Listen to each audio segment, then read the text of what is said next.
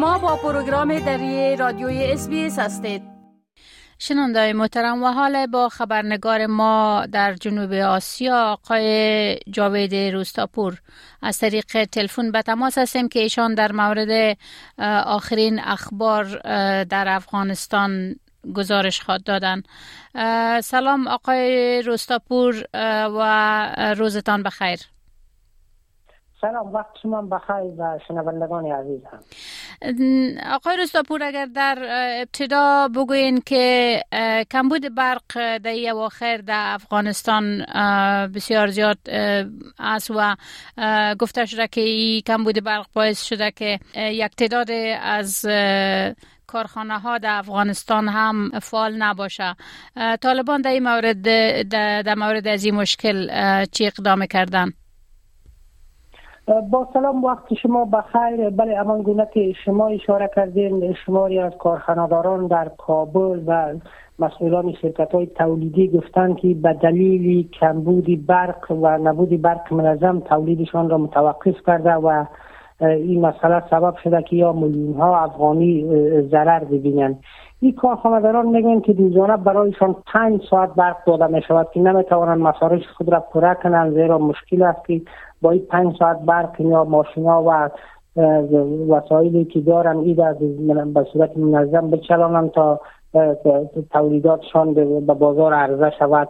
از سوی دیگر هم عبدالجباری صافی رئیسی اتحادیه کارخانهداران گفته که مسدود شدن شماری از کارخانه ها به دلیل نبودی برق به تعداد سی هزار نفر در کابل بیکار کرده و روزانه میلیون افغانی به شرکت های خصوصی ضرر وارد می‌کنه.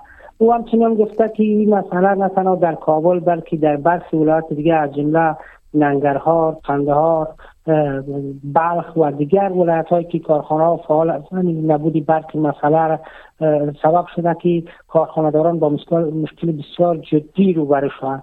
طالبان هم برشنا شرکت برشنا طالبان گفته که مردم صبور باشند. مشکلاتی که پرچه برق با کشور ازبکستان به زودی حل خواهد شد و شماری از پولهای بدهکاری را به این کشور پرداخت کردن ولی به دلیل سردی هوا و کم شدن برق تولیدی ازبکستان برق به افغانستان کاهش یافته. اما برخی منابع آگاه گفتند که به دلیل مقروض بودن شرکت برشنو از کشور ازبکستان وزارت انرژی ازبکستان و همچنان تاجیکستان برقشان تا 60 درصد به افغانستان کاهش دادند که این مسئله سبب کمبود برق در کابل و هشت ولایت اطراف کابل شده است. بله تشکر آقای روستاپور همچنان گفته شده یک تعداد از معلولین در مزار شریف و همچنان یک تعداد از متقاعدین در افغانستان از اینکه حقوقشان برشان پرداخته نشده با مشکل شدید اقتصادی روبرو هستند اینا از حکومت طالبان چی خواستن و آیا حکومت طالبان در این قسمت اقدام کرده؟ بله گزارش ها از آن است که شماری از معلولان در ولایت بلخ در شمال افغانستان روز گذشته دست به راهپیمایی زدن و راهپیمایان تاکیدشان بود که از زمانی به قدرت رسیدن طالبان تا کنون معاش ناچیزی از یا برشان پرداخت نشده و در وضعیت بسیار بد اقتصادی به سر می‌برند. این معلولان همچنان از کمک های بین و نهادهایی که برای مردم بی بزاعت کمک می‌کرد شاکی بودن و گفتن کمک ها برشان نرسیده و از آغاز تسلط طالبان تا کنون دو دفعه به صورت بسیار ناچیز برایشان کمک صورت گرفته و بیشتر کمک ها از طرف قماندان های طالبان به اطرافیان و نزدیکانشان توضیح می شوند در همین حال شماری ده تن از متقاعدین و بازنشستگان هم در کابل دست به راهپیمایی زدند و گفتند که از زمانی تسلط طالبان تا کنون معاش یا برشان پرداخت نشده. این متقاعدین در راهپیماییشان تاکید کردند که پولی که یا دریافت می‌کنند پول خودشان است. پولی که سالانه دولت از یا مالیه افز کرده و در آخر کار باید برشان پرداخته شود. معاش متقاعدین معاش خیرات نیست. معاش خودی مامور است که در جریان کار از معاشش وضع شده. وزارت مالیه طالبا هم گفته که مسئله معاش متقاعدین اسنادی از این تای مراحل شده از شورای وزیران و کابینه طالبا گذشته و به زودی معاش بازنشستگان و متقاعدین از سوی وزارت مالیه پرداخت خواهد شد. اما این برای بار چندم است که وقتی متقاعدین مظاهره می‌کنن وزارت مالیه طالبا و مسئولان طالبا چنین چیزی را میگن بازنشستگان میگن که هیچ امیدوار نیستن که ما یا پرداخت خواهد شد یا خیر. بله تشکر. آقای روستاپور گزارشات روی دست است که آقای حکمتیار ادعا کرده که رهبر عملیات انتحاری هفته های اخیر در کابل از کابل به تاجکستان منتقل شده و با گفته آقای حکمتیار ای حمله کننده تاجیکی بوده در این مورد گزارشات روی دست دارین؟ بله دقیقا آقای دلبدین حکمتیار رهبر حزب اسلامی روز گذشته در خطبه نماز جمعه ادعا کرد که رهبر عملیات های انفجاری از کابل به دوشنبه پایتخت تاجیکستان منتقل شده. آقای حکمتیار گفت که عملات انفجاری بر مسجد اسلامی سفارت پاکستان و حمله به محل اقامت چینی ها در یک هتل که هفته گذشته در کابل صورت گرفت از سوی یک گروهی صورت گرفته که برابری یک تاجیکستانی انجام شده.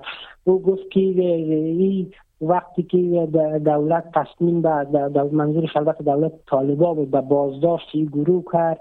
اینا از کابل به یک شبکه بودن به دوشنبه منتقل شدن و سردسته های از یا به دلیل که بازداشت نشوند به دوشنبه پایتخت تاجیکستان انتقال یافتند آقای حکمتیار هیچ اشاره و جزیات ارائه نکرد این گروه توسط کی حمایت میشه و وابسته به کدام گروهی از گروه های تروریستی و یا گروه های تندرو یا افراطی هستند. قبلا آقای حکمتیار وقتی بر بری حمله شده بود هفته گذشته انجام نماز جمعه یک فرد مهاجم بر مهاجم بر این مسجد حمله کرده بود. گفت که از واسکت فرد مهاجم به پرچم یا بیرق داعش بلست آمده. اما حالا گفته که این گروه تاجیکستانی هستند گروه طالبان تاکنون در خصوص این مسئله چیزی نگفتن که ادعای آقای حکمتیار اکتیوان نشرت می‌گیره و منبع و منبع اطلاعات این کی است. ولی آقای حکمتیار گفته که در گذشته چنین عملات انفجاری و انتحاری نبود و پس از تسلط طالبا صورت گرفته و پشت پرده و پشت سر دسته ها عملا حکومت تاجیکستان را متهم نکرد ولی گفته دست تاجیکستانی است. ادعایی که تاکنون از طرف هیچ منبعی تایید نشده. تنها تاجیکستان در افغانستان در شمال افغانستان یک گروه افراطی به نام زیر دولت طالبا فعالیت دارد که تعدادشان گفته میشه 300 نفر می‌رسه و تحت پیگردی دولت تاجیکستان هستند. ولی تاکنون مهاجم تاجیکستانی در افغانستان بازداشت نشده نه در حکومت طالبا و نه در گذشته که یا دست داشته باشند به همکاری با داعش و دیگه گروه های تروریستی بوده باشند. بله بسیار زیاد تشکر از شما آقای جاوید روستاپور از معلوماتی که فراهم کردین. برتان روز خوش می‌خوایم. وقت شما هم خوش خدا حافظ ناصرتان. بپسندید شریک سازید و نظر دهید. اسپیس دری را در فیسبوک تعقیب کنید.